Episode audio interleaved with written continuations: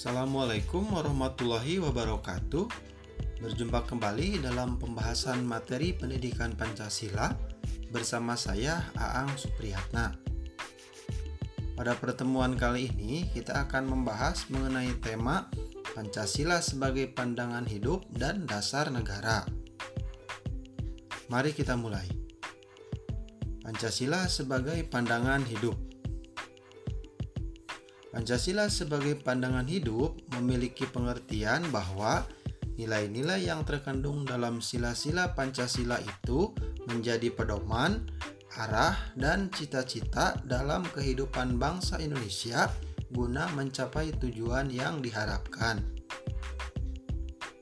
Secara substantif, pandangan hidup atau way of life itu adalah sistem nilai yang dipilih, diyakini kebenaran, keindahan, kebaikan, dan manfaatnya bagi manusia Indonesia untuk dijadikan petunjuk atau pedoman dalam bersikap dan bertindak dalam kehidupan.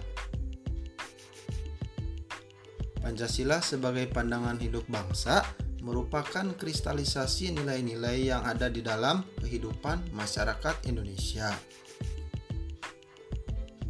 Pandangan hidup yang dimiliki bangsa Indonesia bersumber pada akar budaya dan nilai-nilai religius sebagai keyakinan bangsa Indonesia.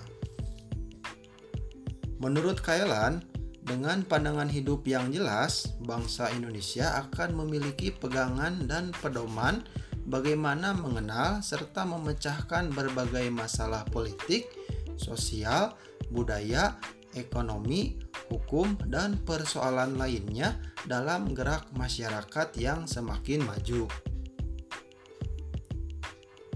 Pancasila sebagai dasar negara. Pancasila sebagai dasar negara memiliki pengertian bahwa setiap hal yang menyangkut dengan urusan-urusan ataupun masalah kenegaraan harus diputuskan berdasarkan nilai-nilai yang terkandung di dalam Pancasila. Adapun fungsi Pancasila sebagai dasar negara dapat dijelaskan sebagai berikut. Pertama, sebagai sumber hukum negara Republik Indonesia. Kedua, cita-cita hukum negara Republik Indonesia.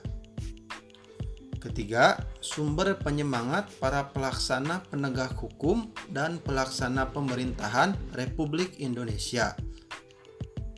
Keempat, sebagai norma yang mendasari setiap pengambilan keputusan oleh pemerintah maupun penegak hukum Republik Indonesia. Dan kelima, sebagai suasana kebatinan dari Undang-Undang Dasar Negara Republik Indonesia tahun 1945. Demikian penjelasan materi untuk kali ini. Terima kasih telah menyimak.